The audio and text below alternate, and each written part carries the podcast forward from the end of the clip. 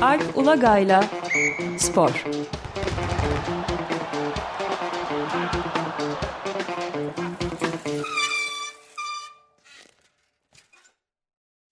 Merhaba, günaydın. Günaydın. Evet, bugünkü spor programında neyle başlıyoruz? Ee, şöyle, Roger Federer konuşacağız elbette. Biraz da Fatih Terim belgesel ama önce bir basketbolun takibini yapalım. Avrupa Basketbol Şampiyonası'nın sonuna geldik artık. İki hafta konuştuk. Bir Türkiye nerede bitirdi ona bir değinelim. Yani biraz da beklenildiği üzere Türkiye ikinci turda Fransa elendi ama çok ucu ucuna kaçan bir galibiyet oldu açıkçası.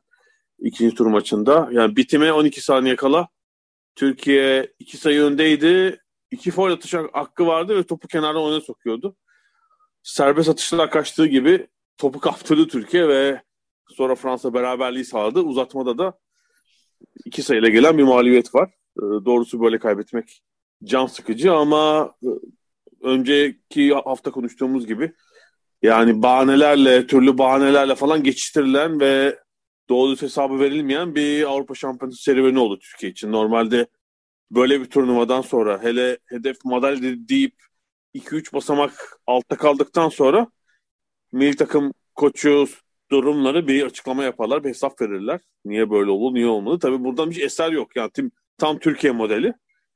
Biz ne olup bittiğini muhtemelen şöyle 3 ay sonra bir basın toplantısı olur. Ya işte öyle olmuştu falan diye öğreniriz.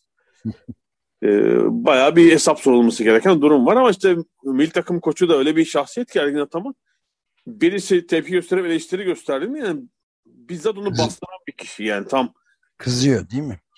Tabii tabii hemen şey ediyor yani. Halbuki ya bu görevdeki kişiler aynı siyasetteki gibi yani tek medyaya tek ilişkileri zaten hesap vermek olmalı.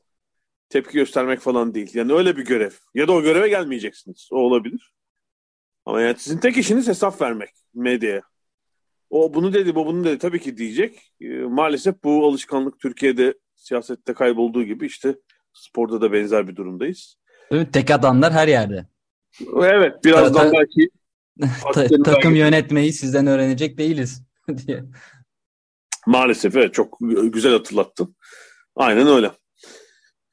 Ee, şampiyonun sonunda da yarı final aşamasına geldik. İşte bugün yarı final maçları var. Ee, sürpriz bir turnuva oldu tabii. Yani benim favori gördüğüm Yunanistan dahil, Sırbistan, Slovenya 3 büyük takım elendiler yarı finale gelmeden. Ee, ve e, İspanya, Almanya, Fransa, Polonya yarı finalleri var. Turnuva öncesi herhalde pek fazla kişi tahmin etmezdi. Şu ana kadar oynadığı oyun ve performans, hırs artı ev sahibi olma avantajıyla bu dörtlüden Almanya çıkarsa şaşırmayacağım açıkçası şampiyon olarak. 1993'te yine ev sahibi oldukları bir Avrupa Şampiyonası'nda e, zafere ulaşmışlardı. Çok sürpriz bir şekilde. Bu sefer de bir benzerini görebiliriz. Yoksa e, birçok kişi gibi ben de tahminlerimde daha yarı final maçları oynanmadan yanıldım açıkçası. 30 yılın arasından bir büyük sürpriz daha olabilir diyorsun. Gerçekten öyle. Neredeyse 30 yıl olmuş. Çok acayip. Evet. Acayip. Peki. Eurobasket'i burada kapatıyorum. Ee, istiyorsanız Federer'e geçelim. Tam işte Ama Seren... bir dakika istersen önce e, tek adam demişken oradan bir başka tek adamın serüvenine dizisine geçelim. Belki daha iyi Fatih Terim'in. Peki evet doğru öyle bağlayalım güzel evet. öyle bağlayalım.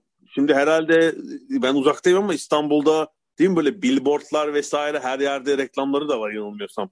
Yalnız Bu... billboardlar değil, Hı-hı. binaların bütün böyle beş katlı binanın bütün yüzünde reklamı görünüyor. Ha, giydirme de yapmışlar yani öyle kocaman kocaman. Ha, evet, anladım. Devasa. Tamam ben uzaktan onu göremiyorum ama sırf bugün konuşabilmek için dün çıktıktan sonra dört bölümü de izledim açıkçası. Büyük bir sabır göstererek. Çünkü yani daha ilk bölümde evet. sıkıldım. Onu söylemem lazım. Teşekkür ederiz. evet yani raportörlük durumundan dolayı. evet bu şey olmasa hakikaten bugün konuşmayı düşünmesem muhtemelen ilk bölümde bırakırdım. Ee, sıkıldım yani.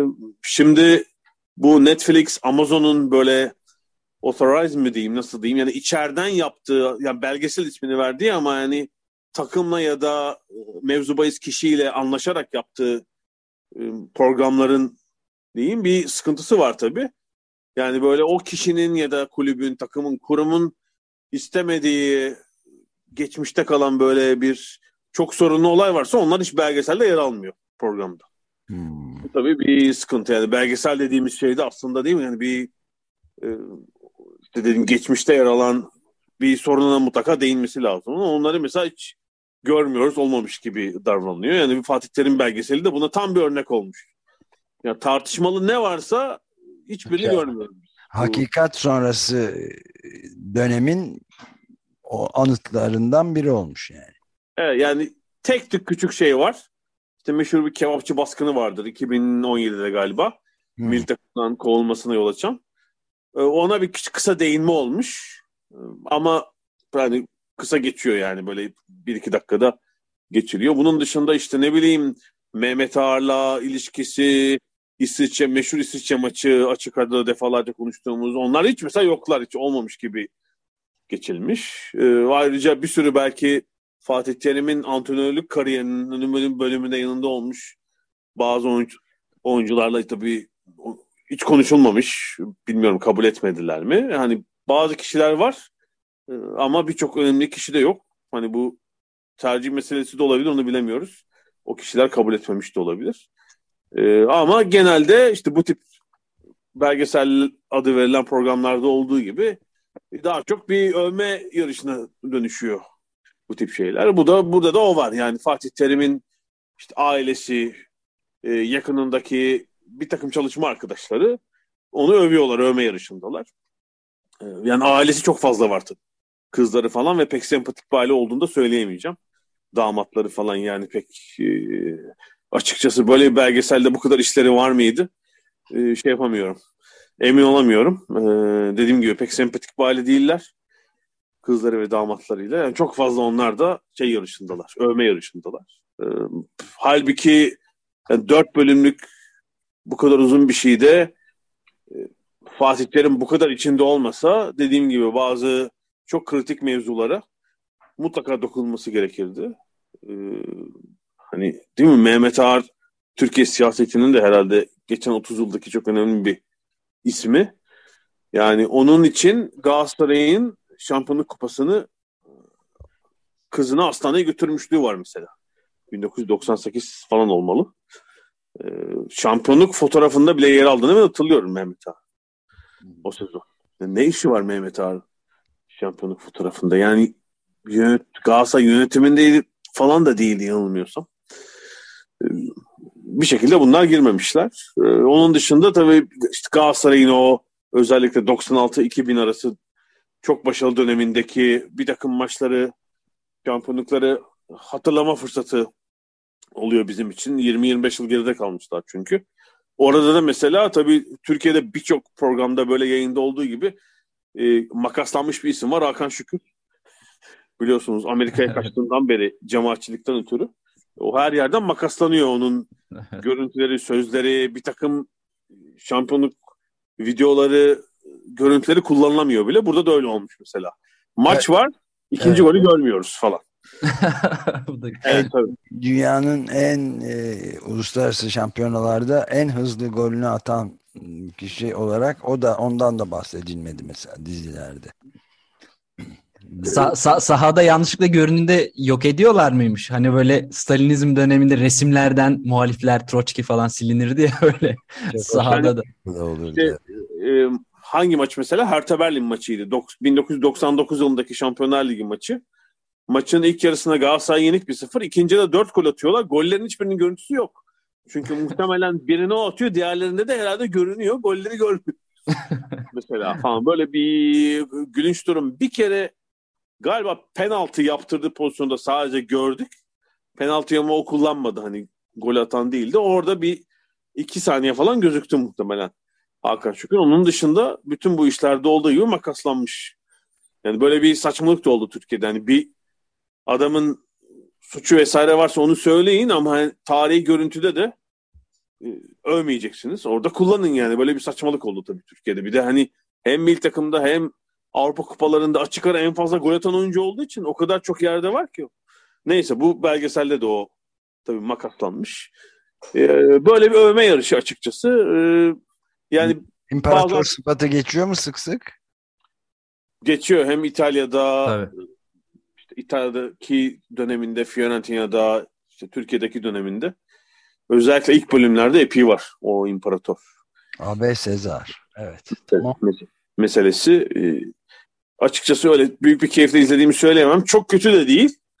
E, izlenir ama hani hani bugün konuşmayacak olsam dediğim gibi işte ilk bölümde falan şey de olmamış. E, ben kendi adıma ama ilginç bir e, bir şey öğrenmiştim daha ilk bölümde vardı. Eskiden yani böyle bir san, futbol sanayi gelişmezden önce oyuncular kaçırılıyormuş transfer edilmek için takımlar tarafından. Ee, evet yani benim çocukluğumda falan çok vardı gerçekten.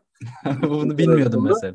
Tabii bir de şöyle transfer dönemi resmi olarak başlamadan kaçırılır oyuncular e, 4-5 gün bir yerde saklanır mesela. Genelde böyle bir tatil beldesine otele götürülür. Otelin önünde kaçıran işte yönetici, iş adamı kimse onun şeyleri durur. Adamları korumaları. durur. Dışarı, korumaları dışarıda bırakmazlar. Bu çok ilginç değil mi? Tabii çok acayip bir durum. Yani bu yüzden cezalanan oyuncular oldu falan yani çünkü mesela daha takımıyla şey bitmemiş eski takımıyla e, çıkacağı maç var falan maçtan önce kaçıyor. Baya böyle komik. Öyle mi bir de maçtan önce? Evet evet. Ben de hatırladım şimdi. Tabii 70'lerde falan da çok şey. Benden önce de çok meşhur olan bir Cemil Turan'ın falan da vardı işte. Yanılmıyorsam. Hani önce davranan takım kaçırır öbürü peşlerinden kovalar falan. Böyle komiklikler olur.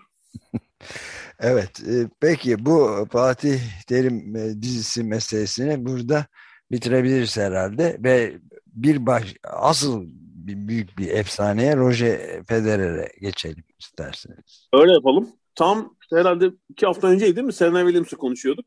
Evet. Tenis tarihinin en büyüklerinden biri diye. Tenisi bıra- bırakacağını açıklamıştı. İşte son maçlarını oynadı ABD açıkta ve büyük böyle bir hava oluştu New York'ta ABD'de. İşte hiç olmadığı kadar izlendi ABD açığının özellikle Serena Williams'lı seansları. Şimdi tam da bunun üzerine dün herhalde öğleden sonra Roger Federer'in bir Twitter paylaşımı geldi. Aynı anda Twitter, Instagram sosyal medya için hazırlanmış. Önce kendi fotoğrafının eşliğinde 4,5 dakikalık bir inanılmıyorsam bir ses kaydı. Ardından da ses kaydındaki metnin görüntüsünü paylaştı ve e, işte uzun uzun açıklıyor orada. Yani bunun bugünün geleceğini hiç tahmin etmedim ama bir noktada işte gelmesi lazım ve tenisi bırakacağını açıkladı. Gelecek hafta sonu Londra'da özel bir turnuva diyebileceğimiz, onun hatta şirketin ortak olduğu Rod Laver Kupası var. AB, e, Avrupa takımıyla dünya takımı karşı karşıya geliyor bir takım turnuvası. Orada Avrupa takımının oyuncularından biri son korta çıkacağı son turnuva olacak. Ve ondan sonra tenisi bırakıyor. Yani beklediğimiz ama tenis severler olarak kendimizi bir türlü razı edemediğimiz bir son açıkçası. Yani son iki yıldır zaten hatta pandemiden bu yana çok doğru düz oynadığını söyleyemeyiz Federer'in. En son maçını galiba 2021'in e, Temmuz'unda oynadı. Yani o 15 aydır kortlarda görülmüyor. Bu sene iki diz ameliyatı geçirdi. Yani sonbaharda döner mi, 2023'ün başında bir turnuva oynar mı diye bir düşünce vardı.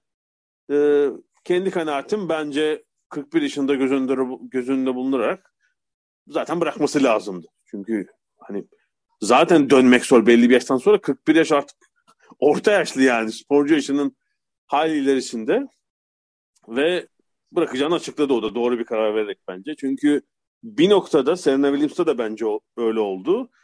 Bu elbette sporu bıraktıktan sonra pek geri dönemediğiniz bir meslek. Çok ender olan bir durum. Hani bırakacaksınız ve ayrılacaksınız artık profesyonel hayattan ve bir takım ticari çıkarlar da var, sponsorluk anlaşmaları. Yani bu efsane isimler kendilerini belki razı edemiyor, razı olamıyorlar yani bir türlü bırakmaya. Seneler de bak işte böyle oldu. Roger Federer'de de böyle oldu. Yani iki yıl önce belki veda etmeleri lazımdı zaten. Evet, şey ilginç ama değil mi? Yani e, ifadesi o bırakma mesajı ilginç geldi bana da. Son dönemde vücudumun bana mesajı netti. 24 yıl boyunca 1500'den fazla maç oynadım. Artık rekabetçi kariyerimi sona erdirme zamanının geldiğini kabul etmeliyim. Vücudum bana söylüyor dedi. E, çok doğru. Zaten bu kuşak Roger Federer'in, Serena Williams'ın olduğu, içinde bulunduğu tenisçi kuşağı bu sporda bizim alıştığımız profesyonel ömrü çok uzattı. Normalde ben çok iyi hatırlıyorum.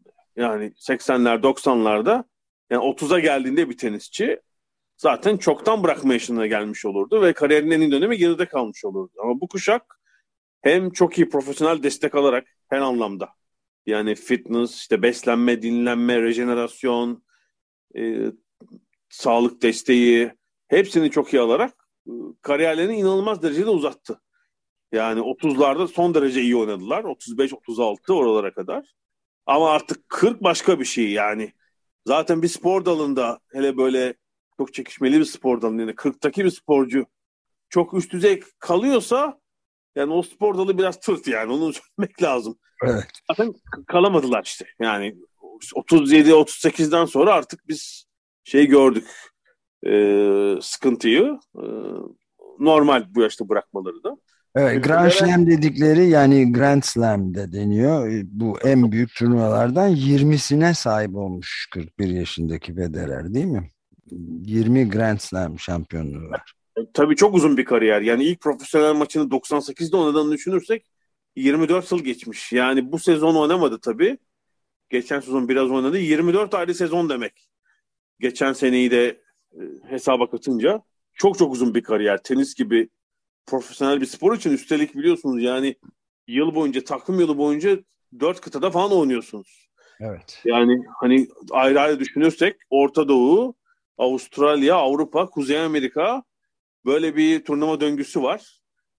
Federer Güney Amerika'da herhalde oynamış mıydı pek hatırlamıyorum. Afrika'da turnuva olmuyor. Ama geri kalan bu dördünde yoğun bir takvim var ve Ocak'tan Kasım'a kadar yani Kasım ortasına kadar. Ee, çok uzun bir takvim. Bunu 24 yıl sürdürmek çok acayip ve maç sayısı 1574 müydü kariyerinde oynadı. Yani şu çok ilginç. Pek başka tenisçi de olmayabilir. Bu kadar maça çıkıp hiçbirini yarıda bırakmamış. Ya her tenisçinin bir küçük bir sakatlık, sağlık probleminden bir yarıda bıraktığı maç vardır. Bir maçı bile terk etmez mi insan ya?